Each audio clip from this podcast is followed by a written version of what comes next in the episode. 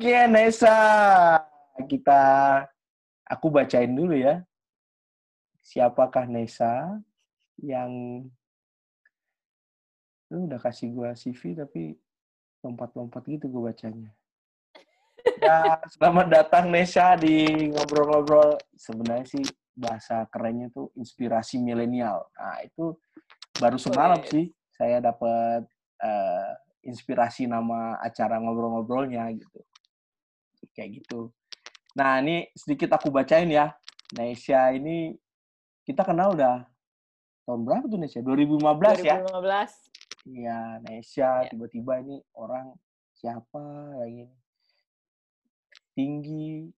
Anak aneh masuk ke MST. Aneh masuk ke MST gitu. Tapi ternyata uh, uh, ternyata ya seorang yang passionate banget untuk uh, apa sih conservation gitu dan apa sih uh, dari gue sendiri cukup bukan cukup ya sangat bangga ya ketemu orang-orang kayak ya dirimu lah yang ya keren banget lah yang udah menentukan nih jalan perjuangannya kayak apa. Nah itu nanti yang bakal lu ceritain tuh Nes ke dia di di di obrol-obrolan ini. Gitu. Tapi gue bacain dulu ya ininya ya. Nah, Nesya ini so. udah lulus ya, ya yeah, lulus nih BSc di Natural Science ya. di Open University UK dan dulu eh, dulu sampai sekarang ya sebagai co-founder sama advisory board dari Diverse Clean Action. Nah, ini ini um, pergerakan yang sangat cepat nih Diverse Clean Action ini tiba-tiba udah ke mana-mana banget. Dan ini juga inspirasi gue tuh, Timnya mantap. Buat apa ngajakin teman-teman mahasiswa gue gitu untuk ya bikin apa sih kayak kayak lo lah ini pergerakan-pergerakan yang yang ya walaupun mulainya kecil-kecilan tapi akhirnya kan kelihatan juga kayak gitu. Nah, sekarang ya mulai selalu dari awal dari kecil dulu ntar iya, ke depannya pasti jalan sendiri.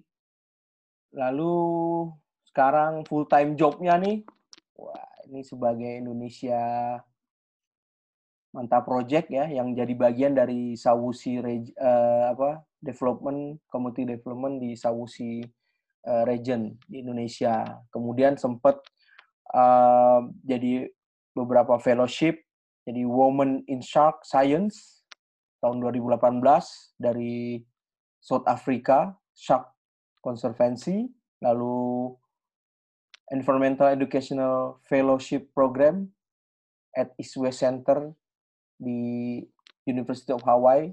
Udah di Hawaii sampai Hawaii juga loh, Nes. Dari Afrika. Itu kan sama Waisili. Iya, Waisili. Kemudian, nah ini di sini kita berjumpa dulu di MST program uh, eh, 2015 kayak gitu. Lalu, nah ini kerennya Nesya nih dia bikin film yang bikin iri juga nih sedunia nih. Youth for Planet Climate Program in Greenland. Waduh, Greenland, sorry, Greenland. Lalu juga Youth Host for Biodiversity Module of Ocean School Documentary. Nah, Nesya juga ini rajin nih jadi volunteer-volunteer nih ya. Jadi karena memang mungkin minatnya ke situ ya. Jadi kasih Koki Wildlife Rescue Center di Bitung jadi project coordinator. Tahun berapa tuh, Nes? 2000 berapa? Uh, tuh? 16. Mulai mulainya itu pertama kali 2011 aku oh, masih sekolah SMA. Tapi habis itu aku selalu ke sana setiap dua tahun oh, um, okay. karena aku passionate sama wildlife kan. Itu sebelum uh. milih sebelum uh. milih di ocean. Oh. Jadi masih di alam juga, di alam, alam ya, ya, ya. Waktu mencari jati diri juga ya. Kemudian iya. kemudian di Operation Walase Coral Reef Monitoring Coordinator dan juga sempat uh, jadi intern di Wellshark Indonesia. Nah, itu selain itu juga dapat award juga ya. Beberapa kali ada East West Center Innovation Grant. Grantee, lalu Radford Foundation Grantee. Nah, ini mungkin bisa sharing juga nanti kira-kira ya gimana perjuangannya. Kan orang taunya kerennya aja nih tentang Nesya nih. Cuma kan jatuh bangunnya mungkin yang perlu di-share di sini tuh jatuhnya Banyak. gimana, bangunnya gimana gitu. Nah, itu yang yang penting. Kalau kerennya tinggal kita search aja di di Google Nesha Ichida ya pasti yang keluar keren-keren. Oke, Nes. Jadi kira-kira hmm. Mau share apa nih? Silakan cerita aja. Tadi paling enggak jatuh bangun, perjuangan, terus ya mungkin kapan sih menentukan garis perjuangan di dunia konservasi. Mungkin kalau ada siapa yang yang yang mau dimention juga orang-orang yang memberikan apa sih inspirasi atau influence juga buat Indonesia sehingga milih uh, jalan di sini. Dan yang paling penting nih sebenarnya tipsnya. Uh, tipsnya kalau teman-teman yang baru akan bergerak, baru apa sih memilih garis perjuangan atau memilih apa sih yang mau dilakukan, apa sih yang mau dikontribusikan untuk dunia ini, ya bisa juga di-share. Silakan, Nes. Oke, okay. uh, eh, Bang, itu di apa enable dong share screen-nya biar oh, aku iya. kasih lihat. Aduh, ini namanya. Oh, aku tahu caranya. Kamu aku jadiin co-host saja. Saking excitednya jadi lupa nih ngurusin begini-beginian. Oke, okay, bangga bangga. Udah bisa? Oke. Okay. Udah kelihatan belum? Belum. Ini lagi dalam proses nih. Halo? Ya. Ya, oke. Okay. Udah kelihatan. Oke. Okay. Oke, okay, siap. Um, ya, tadi kan udah dikasih introduction ya, introduction-nya. Terima kasih. Sangat keren. uh, paling mulai dari apa namanya pertama kali aku mau terjun ke dunia ini ya, um, itu mulainya aku pertama kali diving umur 14 di Buraken. Masih kecil gitu. Tapi kan uh, 14 tahunnya lu kan gede gitu loh. Nggak kecil gitu kan. Eh, enggak juga sih. aku masih aku belum pinter dulu. um, jadi dibawa sama bapakku untuk uh, diving waktu umur 14 di Bunaken. Terus um, pertama kali diving langsung liatnya ikan Napoleon. Uh. aduh ini job apa ya yang berhubungan dengan ini tiap hari? so, aku, oh cari di Google aja dulu. Terus nge-search nge-search lihat dapat marine biology. Oh itu ada binatangnya terus ada divingnya. Boleh juga tuh. Pas. terus aku langsung aku nggak mikirin caranya ke sana gimana gitu kan marine biology dulu belum ya it's not really a job kan um, ya, betul. buat orang-orang Asia buat orang Asia mah cuma kayak economic business dokter lawyer ya, atau gitu lah kayak apalagi aku belum tahu caranya lo ya um, kenapa ya apalagi di seputaran iya. ya kan nggak ada sama sekali itu jadi mulainya ya ambil diving license dulu terus um, langsung cari-cari volunteer job deh. Soalnya kan aku itu masih SMA, jadi tapi aku mau bekerja sama binatang. Nyari di Google ketemu Tasik-Koki Wildlife Rescue Center. Nah, di sana itu aku volunteering pas umur 17 um, untuk jadi Tasik-Koki itu kayak tempat um, rescue sama rehabilitasi wildlife wildlife yang diambil um, dari alam untuk um, pet trade gitu loh. Jadi kayak hmm. illegal trade gitu di rescue-nya di Tasikoki terus di rehab. Jadi di situ belajarin apa cara kasih care ke orang hutan lah, ke oh. owa lah, ke burung-burung lah, bener-bener belajar cara di apa uh, satwa tuh perlunya apa sebenarnya dan sebenarnya satwa tuh jangan di um, dijadikan uh, binatang peliharaan karena mereka butuh alam dan kalau di rumah hmm. itu miserable. Iya. yeah. Um, jadi dari situ aku belajar, oh ini keren ya belajar tentang konservasi juga di situ, apa yang diperlukan oleh alam. Terus aku langsung mikirnya, oke okay, ini keren sih. Cuman aku bayangkan uh, luka-luka kalau di hutan. jadi, bilang, ini kayak bukan aku punya medan ya, musik ke laut. Terus aku langsung coba cari uh, operational Sia, ketemu operational Sia, coba volunteering di sana terus di dua tahun kemudian dipanggil lagi untuk itu apa namanya jadi coral monitoring pegang hmm. itu tuh apa hmm. namanya um, pegang apa sih stereo video ya yang gede ya, banget ya, itu. Ya. Stereo Berat kamera. Iya, uh, uh, uh. stereo kamera. Pakai itu tujuh minggu lah latihan ikan terus sama ngitung ikan di event measure. Aduh itu bener-bener kepalanya pusing banget. tapi seru, tapi seru sih itu bener-bener seru. Tapi itu pas aku jadi coral monitoring, Bang Begin kayaknya datang untuk embryo course deh sama Bang Hawis juga. Iya betul. Pas setelah tapi kamu duluan kan. Cuman kita kita nggak ketemu karena aku iya, udah pulang. Udah pulang karena kita kan memang apa shift paling terakhir tuh. Iya. Minggu ke-8. Uh. um, terus dari situ uh, aku langsung kan udah aku bilang aku nggak gitu pinter kalau dalam sekolah kan jadi nilainya nggak gitu bagus jadi aku cari um, apa namanya universitas yang buka untuk semua orang gitu dan ketemu open apa Open University UK um, waktu itu sih belum ada marine biologist ya hmm. uh, jadi aku langsung pilihnya natural science aja karena aku juga masih labil kan apa aku yeah, mau yeah. di darat apa di laut ya udah pegang aja dulu yang lebih broad uh, jadi aku pilih uh, natural science terus dari situ aku mikir oh keren juga ya online online, online. full online jadi full online, aku ngerti kan? sekarang Lo semua online, mahasiswamu kan? itu aku udah belajarin empat tahun nggak ada nggak ada dosen di sebelah aku cuma di laptop doang nah ini bagus juga nih kelebihannya kuliah online bisa ke mana-mana ya betul itu yang aku pilih kuliah online karena aku bisa internship sama volunteering terus-terusan. Uh, dan Tapi kayak bisa kayak ini ya, cocok sebenarnya kayak sekarang apa Merdeka Belajar, pernah denger nggak? Yang diiniin sama Menteri Pendidikan. Nah, yang diharapinnya model kayak lu tuh, Merdeka Belajar itu. ya makanya lucu sekarang lihat orang-orang kayak stres gitu. Aduh, nggak ada dosen depannya, mesti lihat di laptop lain. Ya, yeah, four years of that already. Ngerti kok. Jadi um, dari situ aku bisa um, contohnya bisa ambil langsung MST kan pas 2015 itu kan baru tahun pertama kuliah aku padahal oh, langsung bener, bisa masuk MST itu keren banget sih bisa diterima. Dan di situ juga aku bisa belajar kayak dari Agustin, dari Bang Begin, Bang Hawis, gimana sih Indonesian University sama anak-anak kelautan tuh belajarnya gimana kalau di Indonesia. Um, terus seru banget deh, itu bener-bener life changing experience belajar dari apa dosen-dosen di IPB terus networknya kan nambah juga.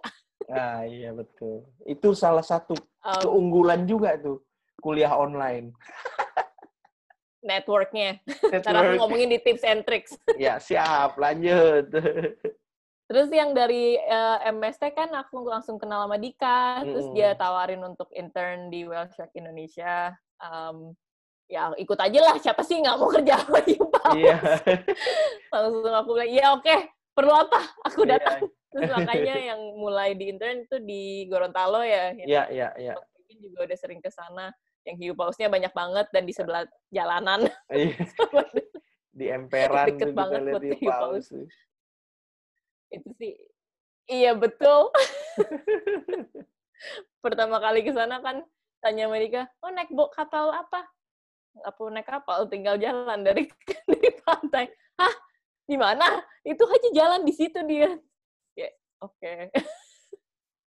Okay. um, ya, terus uh, dari volunteering job sama internship itu itu kan uh, banyak-banyak belajar kan. Aku sih suka uh, volunteering sama internship karena bener-bener ajarin dari dari masa kecil gitu cara kerja tanpa duit. Yeah, ada yeah. purpose-nya. Iya, iya, iya, iya. Dan ada meaningnya juga, karena kan ada apa namanya dapat ilmu dari orang-orang hebat deh. Dan Betul. money is not everything. Mm.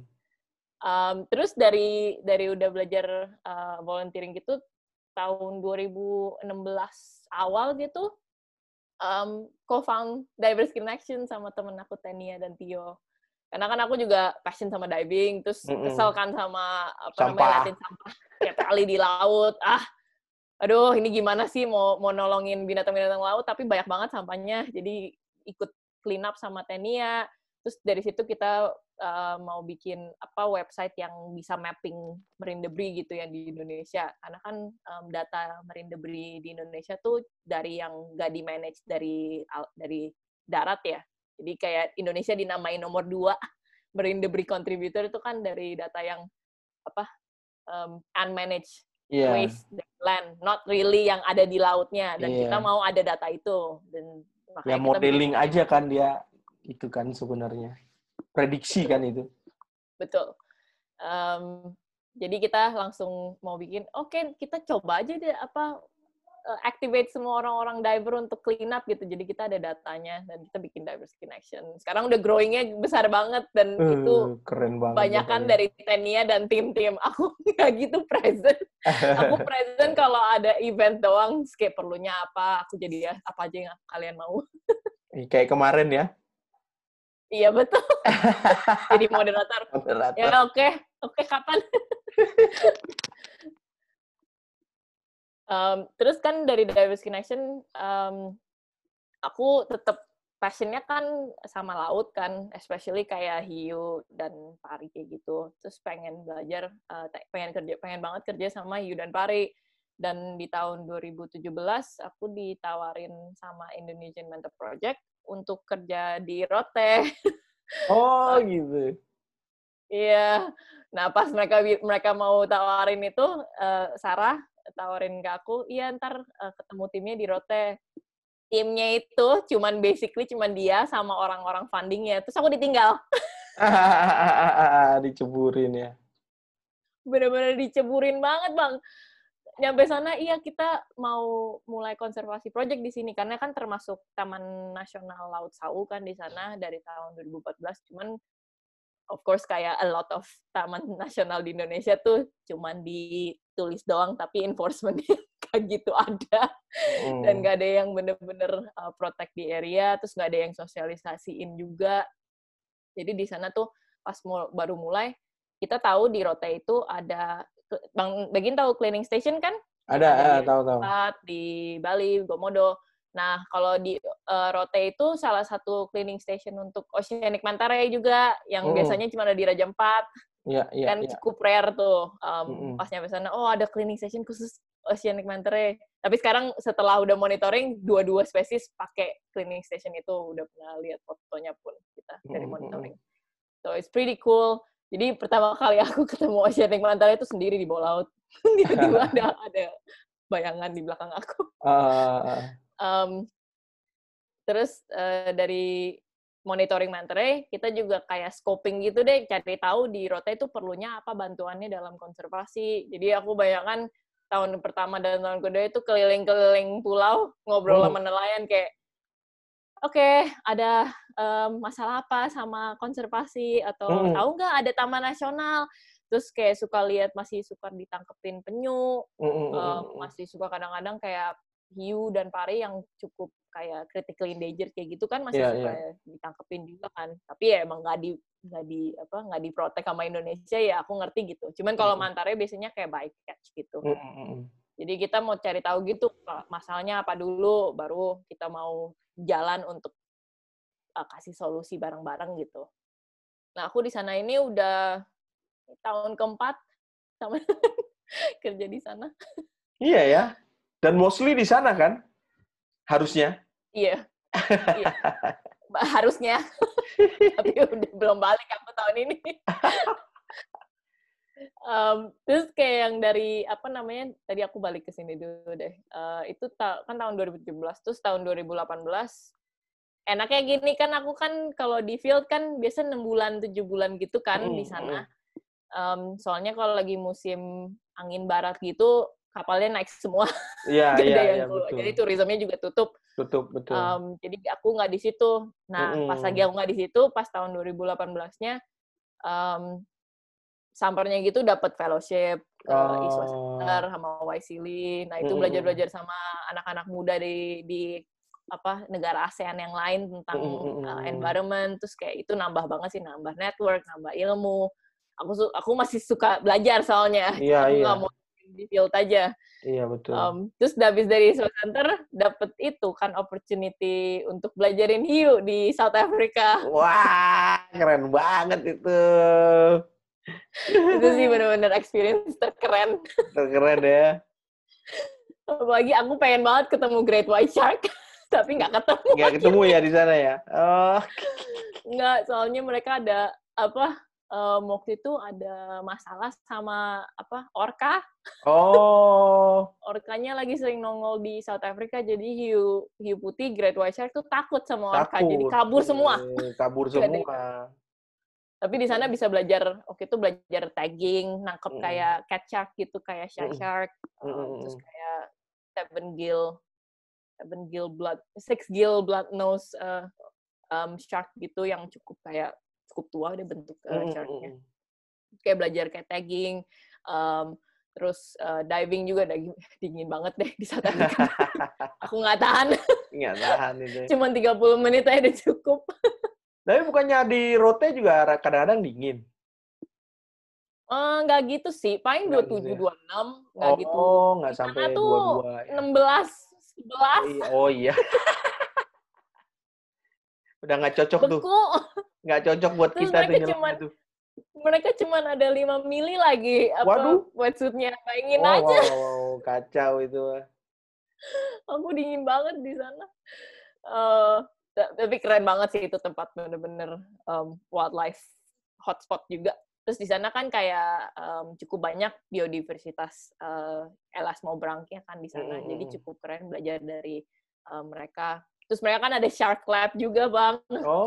ada laboratory, terus ada yang kayak ya. aquarium gitu. Mm, mm, mm, ada shark eggs-nya. Iya, iya, Pengen iya, banget iya. Indonesia ada shark lab.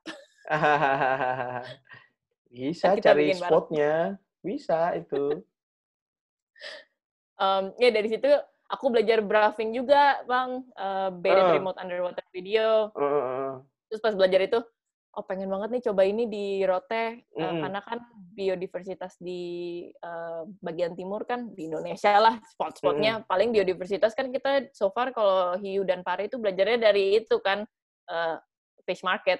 Iya iya. yang betul. udah mati. Yang udah mati, yang nggak tahu di mana dia ditangkapnya. tepat sekali. Jadi kayak um, data-data untuk uh, keanekaragaman hayati untuk elasmobrang yang untuk di Indonesia Timur itu dari pelabuhan Kupang doang. Iya, betul. Di papernya pun aku baca yang Pak Dharma dibikin itu, mm -hmm. masa cuma ada lima hiu sama dua pari sih, mana mungkin aku udah lihat lebih banyak ya di Iya, betul. Terus aku coba, oke, okay, um, pengen banget coba BRAF di di Rote deh. Makanya aku ajuin ke Rafford Foundation. Oh, buat itu tuh. Rafford itu ya. Oh. Uh, untungnya banget dapet. itu grant pertama aku. Grant pertama keren, keren. aku seneng banget itu dapat. Uh, tapi bukan BRAF doang, kita juga uh, collect um, kayak fisheries datanya juga kan. Karena yeah, kan yeah, mau tahu yeah uh, diversity sama abundance-nya. Betul, um, betul. Terus di sana ngobrol-ngobrol juga sama nelayan, apa yang ditauin, di mana spot-spotnya. Mm -hmm. um, terus nih, aku kasih lihat. Ini draftnya bentuknya besi. Jadi tahun kemarin ini aku tiga bulan, empat bulanan itu kerjanya narikin besi oh. di laut. um, sama potongin ikan, ikan tongkol. Buat umpan ya? Betul. Jadi kayak satu kilogram tongkol aku masukin ke kalau bisa lihat di fotonya itu ada silinder pipa itu dimasukin yeah, situ, yeah. terus ada pakai GoPro, mm. diturunin selama kayak 60-70 menit, tertarik lagi. Aku baru hari pertama hilang kamera tahu bang? Wah langsung aduh serem banget tuh. Nangis patah hati hilang dua. dua. Kena arus ya? itu patah hati banget ya kena arus terus kayak um, aku padahal ngikutin itu kan desainnya di South Africa kan pas mm. bikin cuman nggak tahu kenapa dia punya skrup GoPro-nya gitu kayak keluar gitu atau kebuka jadi copot oh. Pas hari kemudiannya aku langsung tambahin extra protection pakai fishing wire lah pakai apa iya, ini iya. GoPro nggak boleh lepas. Nggak boleh lepas kan datanya di situ. Iya sedih banget. Terus aku mau kasih lihat nih uh, video. Video. Ini hari pertama bro yang kamera hilang tapi satu kamera balik dan balik ya. ini videonya. Wih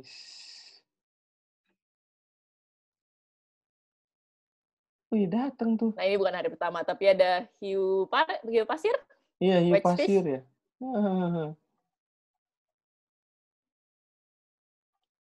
Ini video apa time lapse? Video. Oh, video ya. Ini Grey Reef Shark.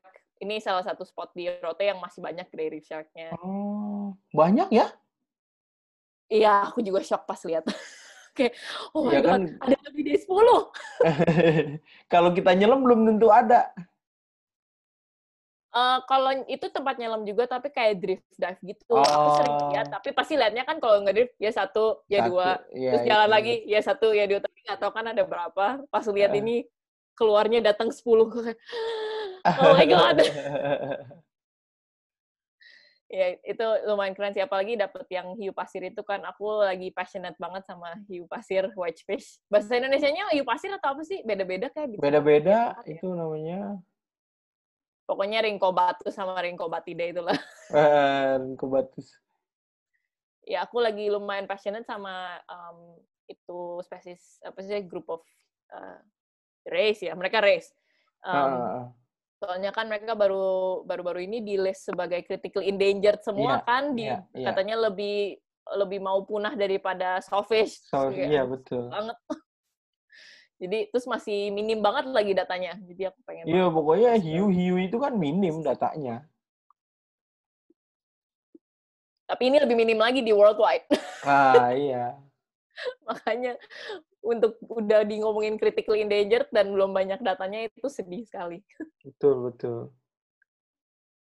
Terus dari Rote juga kita kan ada bekerja sama BKKPN untuk bantu uh, reassess kayak desain MPA-nya gitulah Mm, mm, kan mm, masukin lebih banyak data gitu ke mereka Iya, biar iya, mereka iya. bisa include kayak lebih banyak critically critical habitat, view, Habitat, gitu-gitu. betul. Jadi banyak ngobrol sama um, local people sama BKKPN terus kita bikin juga kayak guide to Rote, uh, Hmm. mapnya ada di belakangnya dan ada apa eh, binatang-binatang atas satwa-satwa yang cukup interesting lah kayak kan Laut Sawu kan tempat migrasi Migrasi cetacean kan ada cetacean, 20, betul. 20 jenis lebih terus aku Mm-mm. masukin ada um, oh salah ada empat apa lima spesies penyu juga ada Iya, iya. leatherback juga di sana Iya, iya, iya.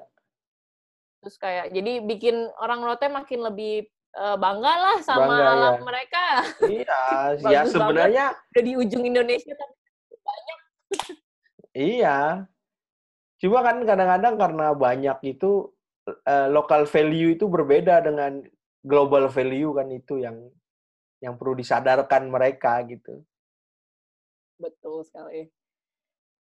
Um, terus dari apa bekerja sama sama government, sama local people-nya juga. Kan kita juga kapasitasnya kecil kan tadi aku udah bilang Bang aku mm-mm. sendiri di sana nggak banyak fundingnya. Um, kita banyak kasih opportunity ke anak-anak muda juga kayak mau intern. Tahun lalu aku pertama kali dapat intern, jadi ada bantuan untuk berapa. Berapa orang intern? Um, eh, aku tahun lalu dapat empat intern. Oh, empat Jadi ya. eh, dua orang, eh, satu dari Papua, satu dari Jawa, eh, satu dari Malaysia, terus satu lagi em, anaknya mentor. Pak Egbert ya. Iya, udah tahu. Dia mau belajar sama konservasi soalnya. Iya Em, lah.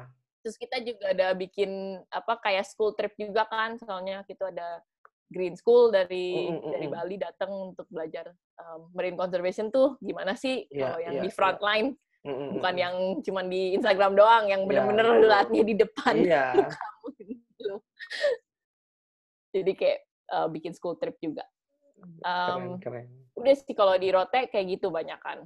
Um, terus kemarin-kemarin ini aku ada opportunity juga uh, pas tahun tahun lalu ya uh, Mm.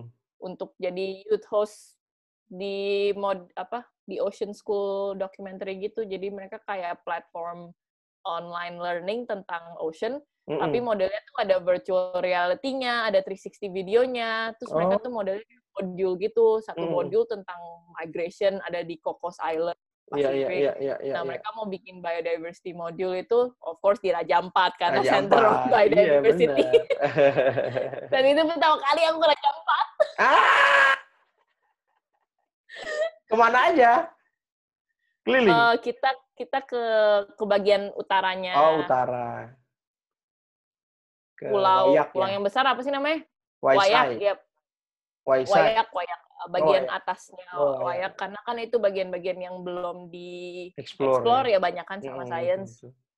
Jadi kita banyak ke sana, terus ada ke apa namanya ke tempat-tempat manta juga. Yeah. Aku nyampe sana tuh kayak, aduh pengen banget lihat manta lebih satu, karena di road trip cuma lihatnya satu. Oh. Satu. nyampe sana akhirnya lihatnya yang lebih banyak gitu. iya iya betul betul. Ya, itu sih bagian itu seru banget sih pas ke sana. iya. Berapa lama tuh Nes? uh, waktu kemarin itu 10 hari 10 ya. hari lah ya, di, liveaboat ya. 10 ya. hari kita expeditionnya. Uh. Muter gitu. -mm. Muter ke atas sampai ke Ayau juga ke yang apa sih? Ayau, Ayau. Itu, yang panas banget tempatnya. Ya, Ayau, Ayau di atas. Panas banget sih emang tempatnya. Katanya ada tiga matahari kalau di Ayau. Jadi bikin film underwater di atas gitu ya. Iya, jadi kayak show tentang keanekaragaman hayati aja sih, kayak coral reef sama reef fish-nya. Terus kayak bisa bekerja sama bareng sama Pak Mark Ertman juga kan, yeah, um, yeah, pas di sana. Terus itu beliau keren sekali. keren, keren. Oke, terus mau lompat ke tips and tricks? Boleh. Apa mau tanya-tanya dulu Bang Begin? ya, jadi kan um, apa ya? Ini kan banyak banget nih pengalamannya nih. Nah, yang pengen aku tahu nih eh, apa ya? Turn back-nya itu di mana gitu? Ketika kan tadi dari ya sebenarnya dari pengalaman kecil gitu ya untuk jadi ya gimana nih supaya bisa kayak konservasionis dan lain-lain tapi uh, apa sih yang benar-benar apa yang bikin tadi memutuskan nih di sini nih saya nih gitu. Jalan ini nih yang ini. Hmm. itu ketemu siapakah atau ada momen apa gitu. Um, momennya sih uh, banyak sih momennya. Um, kayaknya aku sih bisa kasih advice kalau kalau soal ini sih passionnya dulu di laut sama mau bekerja sama sama hiu dan pari tapi itu kan passion kan Iya. Yeah. um, dan aku sekarang tuh selalu kasih advice kalau ke anak apa um, younger generation sama future generation loh kita lah generasi kita jangan nyari passion aja cari purpose jadi hmm. cari yang hmm. kamu bisa lakukan kamu jago ngelakuinnya um, yang diperlukan dunia yang kamu akan bisa dibayar dengan pekerjaan itu. Iya betul. Jangan lupa itu. Jangan lupa. Uh, sama satu lagi yang kamu suka ngelakuin itu mesti jadi satu semuanya karena kan kalau passion biasanya itu yang kamu suka lakuin dan kamu bisa melakukan tapi belum yeah. tentu kamu bisa dibayar atau dunia memerlukan itu jadi Betul. mesti cari apa yang panggilan yang be a change maker yeah. apa tuh tanya tanyakan diri sendiri atau tanyakan apa uh, ke lingkungan kamu terdekat kamu nggak um, perlu jauh-jauh kok nggak perlu jauh-jauh sampai ke pulau lain hmm. kadang-kadang di pulaumu pun perlu perubahan dalam konservasi apa yang diperlukan jalankan aja itu nah kalau aku mulainya itu dulu ya karena belajar di uh, Tasikoki aku belajar konservasi dan belajar oh banyak banget ya punya maksudnya yang suka ngambil-ngambilin satwa. Terus hmm. aku kan dulu juga banyak kan punya binatang peliharaan satwa. Tapi kan nggak pernah diedukasiin, ya, jadi kita betul, nggak tahu. Betul. Iya betul. Pas udah diedukasiin, oh aku pengen pengen merubah pikiran orang gitu yang masih hmm. masih mau memelihara satwa agar jangan karena tidak bagus gitu untuk satwanya. Terus um, kalau yang dari laut sih banyak reason lah kalau di laut yang mesti dilakukan karena konservasi di darat udah banyak di laut tuh kayak masih diterbelakangkan banget dan masih hmm. masih banyak yang bawa ke isunya tuh mesti dinaikin gitu yeah. apalagi di Indonesia kan negara maritim tapi banyak yang nggak bisa berenang nggak bisa ke laut terus nggak tahu pun di bawah laut tuh apa cuma lihatnya laut daratan ya, doang betul. padahal tuh bawahnya itu dari pengalaman lo orang Rute sendiri tahu nggak sih kalau daerah mereka itu keren? Mereka nggak pernah ngomong keren sih ya tepatnya. Ya maksudnya. Musi, mesti dibawa ke bawah laut masalahnya. Nggak gitu banyak yang berenang. Ah, iya. Jadi apa maksudnya? Pas ya valuable-nya itu luar biasa sebenarnya gitu loh. Tahu iya, nggak iya, sih mereka uh, aku gitu? punya apa namanya boat captain kita yang biasa pergi diving. Sekarang udah mulai diving kayak scuba diving pertama kali buat scuba, scuba diving itu sama supervisor aku Sarah dan dia ngelihat manta for the first time mm -mm. di bawah laut dan di itu laut. seneng banget dia bener-bener kayak wah bagus banget. Jadi banyakan tuh orang yang nggak tahu ada apaan di bawah dan kelihatannya seperti apa dan ada pernah pernah kalau tahu coral reef kan liatin satu meter square aja udah kayak bisa bengongin sejamnya iya, ada apa aja betul, di betul. situ. Iya. Iya yang kayak gitu kayak gitu orang-orang yang lokal ya perlu diedukasi juga ternyata ya. Karena tadi ya value lokal sama value global itu uh, banyak yang berbeda sebenarnya gitu. Nah, itu sih Betul. Yang... Dan banyak kan kalau orang nggak tahu ada apa maksudnya orang biasanya kalau nggak tahu gimana mau mau mau melindungi kalau tidak tahu dan gimana mau sayang gitu sama tempat itu atau binatang itu. Kalau mereka juga nggak tahu itu binatang apaan. Iya betul. Mulai edukasi dulu. edukasi bener ya. Jadi nggak bisa serta merta ini harus dilindungi atau apa gitu ya. Supaya mereka tahu aja dulu apa yang dia punya ya itu penting juga sebenarnya. Ini menarik banget ini. Karena aku sendiri sih nggak value di uh, nggak nggak pernah nggak uh, pernah selama lu tuh enam bulan di lapangan tuh nggak pernah gue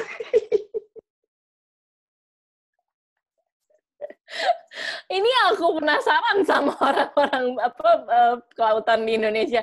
Kayaknya banyak kan nggak banyak yang di apa field lama-lama deh. Paling cuma kayak 10 hari terus lagi di kota. ya, makanya kita Pulau Seribu mainnya dekat. Paling lama sih. keren juga sih. Uh, Aku kan diving diving apa uh, diving license di sana juga. Iya. Jadi mulainya yang yang jelek-jelek dulu lah ada eh, site-site yang nggak gitu bagus Jadi setiap ngelihat coral reef yang berbentuknya cakep dikit langsung menangis. Menangis. Uh, kebalik sama aku berarti. Kalau begini mulainya di mana? Aku snorkeling snorkeling sih di Derawan. mulainya udah keren. Terus ke Pulau Seribu abis bleaching tuh sembilan tujuh sembilan oh. ke Pulau Pari kan. Uh, oh, ini kok beda ya dengan yang gua lihat waktu SMA ya.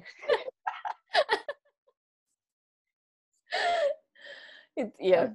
Makanya gimana? kemarin pas aku ke Raja Ampat, banyak kan nangis habis diving. Mm-hmm. Soalnya kayak lebay nggak pernah lihat koral segitunya sampai kayak yeah. itu kayak koral kena steroid. Mm. Jadi memang banyak loh penyelam-penyelam yang belum pernah ngeliat koral yang bagus. Even orang-orang di Bali loh. Coba di Bali di mana yang yang kayak Raja Ampat sih maksudnya? Nggak ada. nggak ada, nggak ada yang kayak Raja Ampat. Setiap yang... setiap tempat nih spesial menurut aku. Kayak di Rote aja tempat-tempatnya ada yang spesial. Kayak ya, Drift Dive itu aku suka kadang-kadang lihat, nih koralnya baik banget. Terus mm. udah hiu ada hiu tuh kayak, oh masih healthy. Mm. Ekosistemnya. Uh, tapi ada eh. beberapa ya yang benar-benar lu, uh, lu tau nggak gue percaya bahwa ikan kerapu itu adalah ikan karang, ikan terumbu, itu waktu gue nyelam di Maluku Barat Daya. Gue baru oh, melihat. apa? Gue kira ikan yang laut agak dalam-dalam gitu loh. Karena oh. kan di oh. Pulau Seribu gue ngeliatnya yang sekecil-kecil ini. Ditangkepin semua soalnya. Dan di sana kan satu setengah meter, tiga meter gitu. Terus kan ada tuh Pak, kita kan ketemu nelayan tuh di sana. Pak, eh, tolong apa sih eh, kita mau lihat nih ikan kerapu di sini eh, apa eh, segede-gede apa sih gitu bisa nggak dibantu apa mancing gitu ya? Oh ya bentar saya cari umpannya dulu gitu. Terus dia datang dengan umpan ikan kerapu juga yang 30-40 cm which is itu gede-gede kan kalau di mata kita. Itu udah bisa dimakan nggak perlu gede lagi. itu dia bilang itu umpan gitu kan. Gimana gue ya ampun. Eh, iya kan aku udah agak terlalu sayang sih sama kerapu soalnya kerapu kayak eh, sangat penting kan buat iya, ekosistem ya, terumbu karang terus dia lama juga kan eh, ber, apa, berkembang biaknya berkembang dan biak. kalau misalnya semakin besar kerapu itu makin banyak berkembang biaknya jadi ya, betul. aku nggak gitu makan kerapu Enggak, kita cuma pengen tahu ukuran dia aja yang gede di iya situ yang yang biasa dipancing orang tuh segede apa sih? Dia ambil umpan 40 30 cm. Kita langsung ini aja, Pak. Sebenarnya aku mau sampling ininya apa uh, siripnya gitu. Keren, Sudah keren. Indonesia. iya sih ya, balik lagi nih ke uh, lu sendiri tadi kan ke Tasikoki, Shark gitu ya. Terus uh, kalau di dunia konservasi sendiri, gue lihat kan uh, banyak nih sekarang perempuan-perempuan nih yang yang yang aktif. Dari pengalaman lu, seberapa banyak sih orang-orang ya ya perempuan Indonesia yang ada di bidang konservasi sih? Yang muda-muda lah. That's a good question. Um, apa aku sering banget sekarang lihat yang apa women kayaknya bener-bener lebih banyak di dunia konservasi ya uh, apalagi yang hiu dan hiu dan pari itu banyak kan cewek-cewek loh yang jadi penelitinya which is really cool. Karena menurut aku uh, we have to really empower kayak more, more female people to go to um, conservation kan. Tapi yang aku lihat banyak kan tuh yang muda-muda terus dikit banget yang sampai tua akan tetap di penelitian dan konservasi. Kayak kayak aku sering dengar katanya kalau misalnya udah seumur berapa gitu dipanggil untuk pulang dan menikah dan nggak boleh kerja itu kan dulu masih banyak bang oh, Padahal sebenarnya yang apa yang muda-muda yang cewek-cewek tuh yang yang bener-bener keker banget kalau di field gitu. Cepet kerjanya hmm, semua. Betul, betul. Yang cowok-cowok ya. juga cepet, tapi aku sih kebanyakan kemain internet cewek juga. Cewek iya, karena apa ya lebih passionate gitu ya. Kalau cowok Iya, iya. Uh, tapi aku suka sih sekarang lihat banyak banget yang uh, perempuan yang masuk ke konservasi dan banyak juga yang leading gitu, bukan yeah. hanya ngikut konservasi aja karena kan dulu pas pertama kali aku baru mulai jarang banget lihat yang wanita yang benar-benar jadi leadernya gitu. Mm -hmm. Ya mungkin ada kesempatan terus mungkin tadi ya kayak lo dapet grand grand itu memotivasi juga kayaknya teman-teman untuk bisa berkarya gitu. Kayak gitu sih. Yes.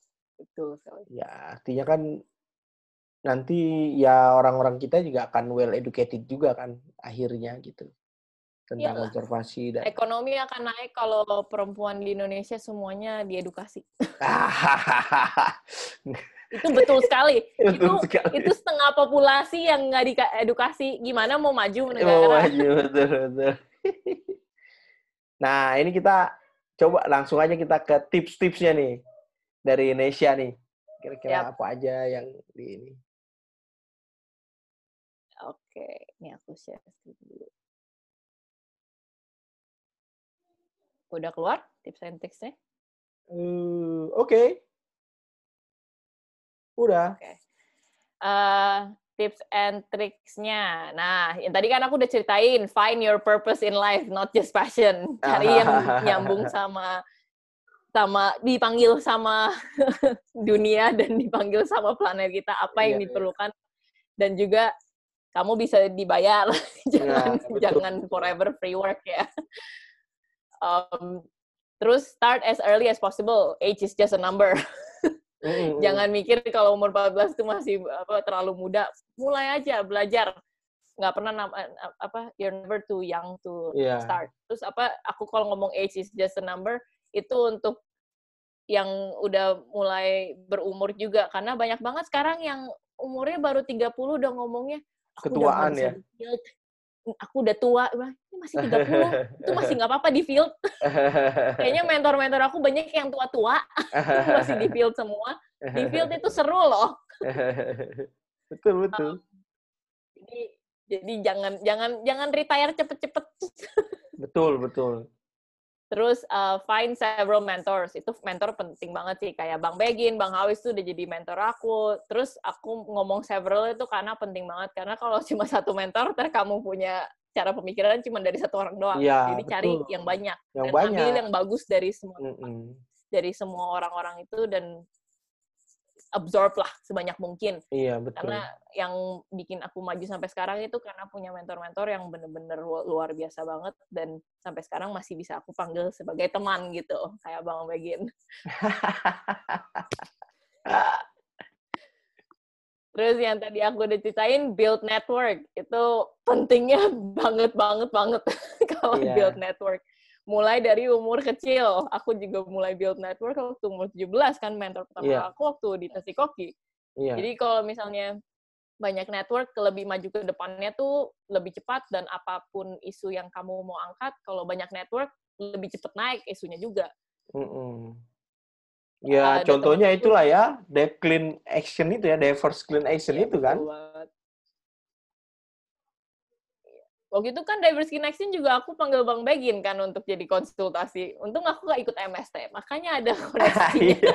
Diversity Action. Iya, iya benar-benar. Untuk modul-modulnya ya kita dulu ngobrol ya.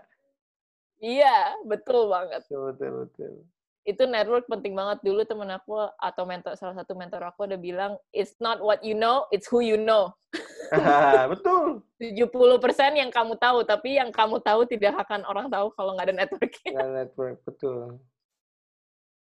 Terus uh, do a lot of internship sama volunteering. Ini sih dari dari kecil sih udah mulai aja mm. dari umur 17 udah boleh mulai. Um, mm.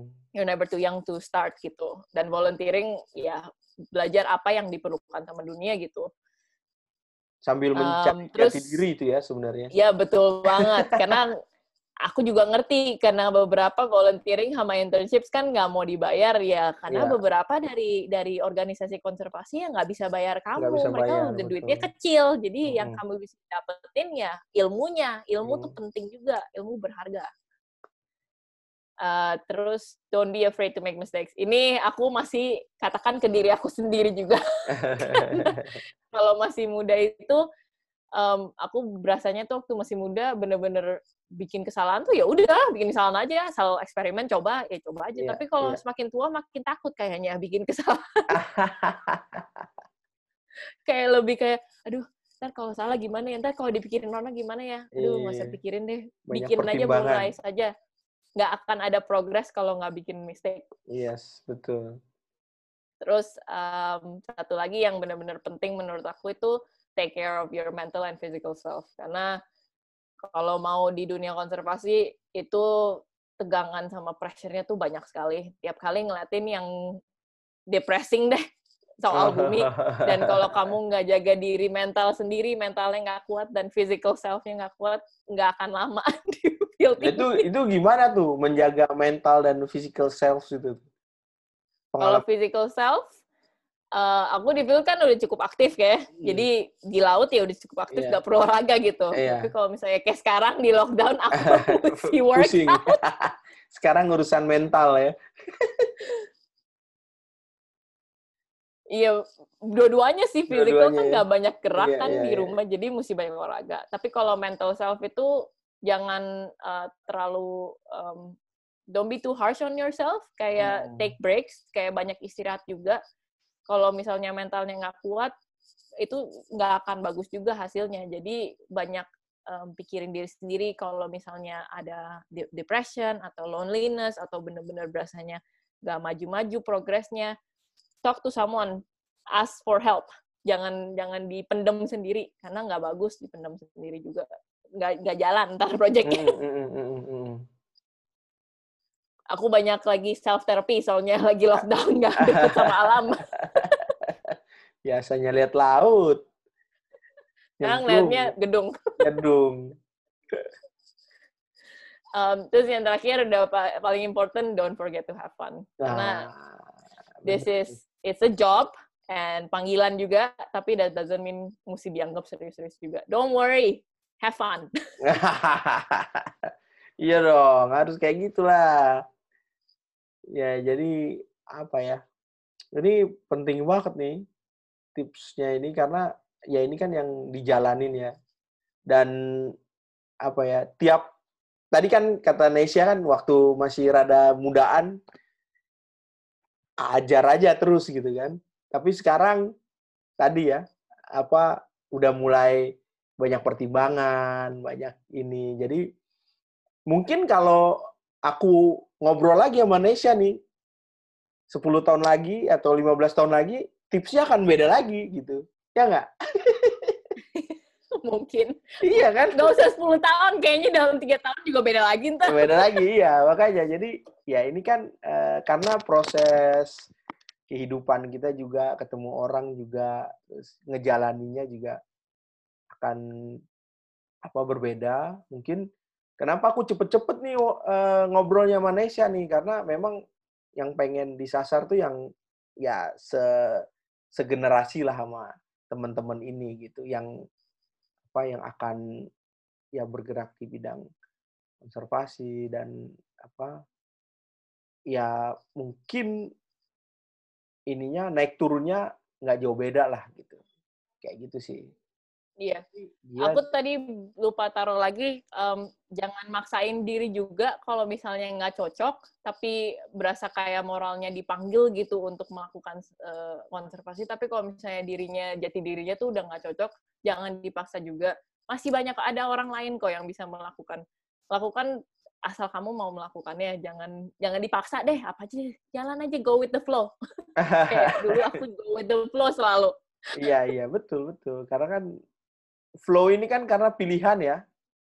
Jadi uh, pilihan itu yang membuat kita uh, berjalan. Nah, jadi jangan sampai stuck juga nggak punya pilihan kan itu jadi berhenti gitu. Nah, jadi makanya. Nah, ya. Kalau nggak mau kehabisan pilihan, semua opportunity bilang iya aja dulu. Mudah. Dulu aku kok ada opportunity apa, langsung ambil aja. Ntar, ntar mikirnya ntar caranya iya kan masih muda kan, masih punya energi selama itu apa positif gitu kan dan tadi ya purpose-nya jelas gitu ya, kita kontribusi di mana itu di mana itu yang eh, karena kan kesempatan nggak datang dua kali juga gitu. Kadang-kadang betul betul uh, banget. Jadi uh, tinggal kita bisa memanage apa enggak sih apa kesempatan-kesempatan tadi gitu. Ini menarik juga nih. Jangan terlalu banyak mikirin risknya, tepatnya. Kalau terlalu banyak mikirin risknya, nggak bakal gerak. Soalnya aku iya, rasanya gitu makin tua kan. Kalau terjadi ini gimana ya? Aduh, di jalan aja lah. iya betul betul. Ya yes, tadi ya, kalau kita tadi banyak pertimbangan lah. Yang pertimbangan itu membuat apa? Kaki semakin berat melangkah gitu. Iya betul, betul banget. Jadi fokus kita mau ngapain, terus kontribusi kontribusi kita ada di mana gitu ya, ya kita lakukan di situ gitu. Ya tuh keren keren. Terus uh, ke depannya nih bakal ke mana nih Nes? Oh, ke depannya um, nyusul Rafik sekarang... apa ke US sekolah atau ke mana? Kak, uh, aku aku kan baru lulus 2018 akhir kan, jadi abis pas lulus itu nggak mau belajar lagi. Seru kalau di kuliah, tapi kayak aku terlalu banyak stres kalau ada exam tepatnya, nggak cocok yeah. sama exam. exam jadi kemarin itu aku ya. mikirnya, um, ya, uh, jadi aku mikirnya uh, ntar dulu deh. Um, so far sih aku belum ada rencana atau planning atau alasan kenapa mesti ambil S2 sekarang gitu. Aku masih mau kontribusi di field, uh, project-project masih banyak yang bisa dilakukan dengan skill aku yang udah ada sekarang dan aku juga masih bisa ngambil maksudnya belajarin skill baru dalam pekerjaan di field gitu. Tidak yeah, perlu betul. ke kuliah dulu. Ah, lihat aja lah, tapi aku nggak gitu akademik sih. aku aku mau apa nulis research paper sekarang lagi working yang di draft draft paper yang hmm, kemarin hmm, ini hmm, baru kemarin kan udah kerjain draft baru selesai analisis yeah. jadi sekarang lagi nulisin papernya dulu oh iya benar benar ya harus diselesaikan lah data-datanya biar apa Betul. ya itu ntar aku telepon bang Begin nanya statistik nanti gue kasih nomor telepon temen gue yang jago statistik karena kalau statistik uh, terus ada juga. um, dan ke depannya ini um, ada kemungkinan project baru juga di Indonesia yang aku bisa aku bakal ikut. Tapi for now belum bisa ngomong, soalnya belum ada kontraknya aku. Baru ya. ngomong. Baru Tapi okay. cukup exciting projectnya tentang hiu. hmm, hmm, hmm. Iyalah, harus terus keep moving gitu ya. Dan kan sebenarnya sih kenapa uh, ya yang teman-teman muda-muda ini harus ke field karena di field front front frontliner itu banyak banget ilmu-ilmu yang yang pasti baru dan pertanyaan-pertanyaan yang yang apa ya yang challenging gitu nah itu yang membuat kita apa kreatif gitu yang membuat kita apa sih uh, ya bisa ini juga apa bisa muncul dengan dengan apa yang kita lakukan kayak gitu gitu nah, jadi Uh, Betul banget bang. Aku belajar banyak banget di field. iya pasti. Karena kan kalau ke lapangan banyak pertanyaan yang yang ada terus kita harus jawab segera gitu kan. Apa? Yang di buku cetak nggak dikasih tahu pas lagi di iya, kuliah itu banyak betul. banget di field. Karena tuh buku buku cetak itu dibuat misalnya cetak 2018 itu kan cerita 2015 atau 2013 gitu loh. Karena kalau buku diupdate terus nggak terbit-terbit soalnya. Jadi betul banget. Betul gitu. Jadi uh, di field itu akan melatih sense kita juga ya, apa melihat peluang, melihat uh, apa yang bisa dikerjakan gitu. Jadi ya salut lah. Belajar independen juga tepatnya. Nah, benar independen itu sih number one independen banyak nanya sekarang aku ditinggal di pun bisa udah terbiasa gitu ya nggak nggak worry lagi iya. gitu. Ya itu uh, penting banget itu jadi independence dan uh, apa ya kayak misalnya kan orang bilang rote gitu ya kayaknya jauh banget gitu ya tapi sebenarnya nggak jauh juga sih. Emang jauh banget. Maksudnya sekarang akses... Aku tuh cuma 250 km dari perbatasan Australia. Kalau nyelam ke bawah arus nyampe ya sana ya? Malah nyampe Madagaskar. Mungkin. Nanti. Enggak, Madagaskar. Tergantung arahnya ke mana harus yang mana gitu. Kalau ikut ini Australian counter current ya bisa juga sih. Oke, Nesya. Seru banget ngobrolnya dan dari gue sendiri banyak apa ya inspirasi banyak gue belajar dari yang dilakukan oleh Nesya dan apa ya mudah-mudahan apa yang disampaikan oleh Nesya ini uh, ya jadi inspirasi jadi contoh buat teman-teman gitu ya di Indonesia karena uh, pengalaman Nesya ini kayaknya jarang juga di Indonesia gitu. Lo kuliah S1 online gitu kan, tapi uh, dan apa ya, ternyata banyak kontribusinya gitu.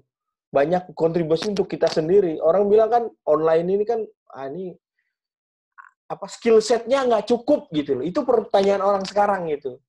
Skill set yang diharapkan itu dapat nggak sih? Nah, tapi kelebihan lain tergantung sebenarnya, mau keluar rumah atau enggak tepatnya Nah, jadi tergantung kita memenuhi eh, apa ya? Tapi sebenarnya kesempatan kita mencari apa yang kita inginkan itu lebih besar daripada kita nongkrong di kampus sebenarnya. Jadi eh, apa ya? Aku juga baru tahu nih sebenarnya gitu. Oh iya ya, baru baru keinget nih. Oh, Nesa kan online nih sekolahnya gitu loh. Dan ternyata ya banyak banget gitu yang yang yang yang bisa. Itu ini buat buat gue sendiri nih dosen eh, apa pengalaman dari Nesya ini akan aku share juga ke mana ke dosen-dosen yang lain kayak gitu loh bahwa ada loh orang yang yang dengan kuliah online ini malah ternyata dia menemukan purpose dan apa tadi passionnya itu jadi nyambung gitu.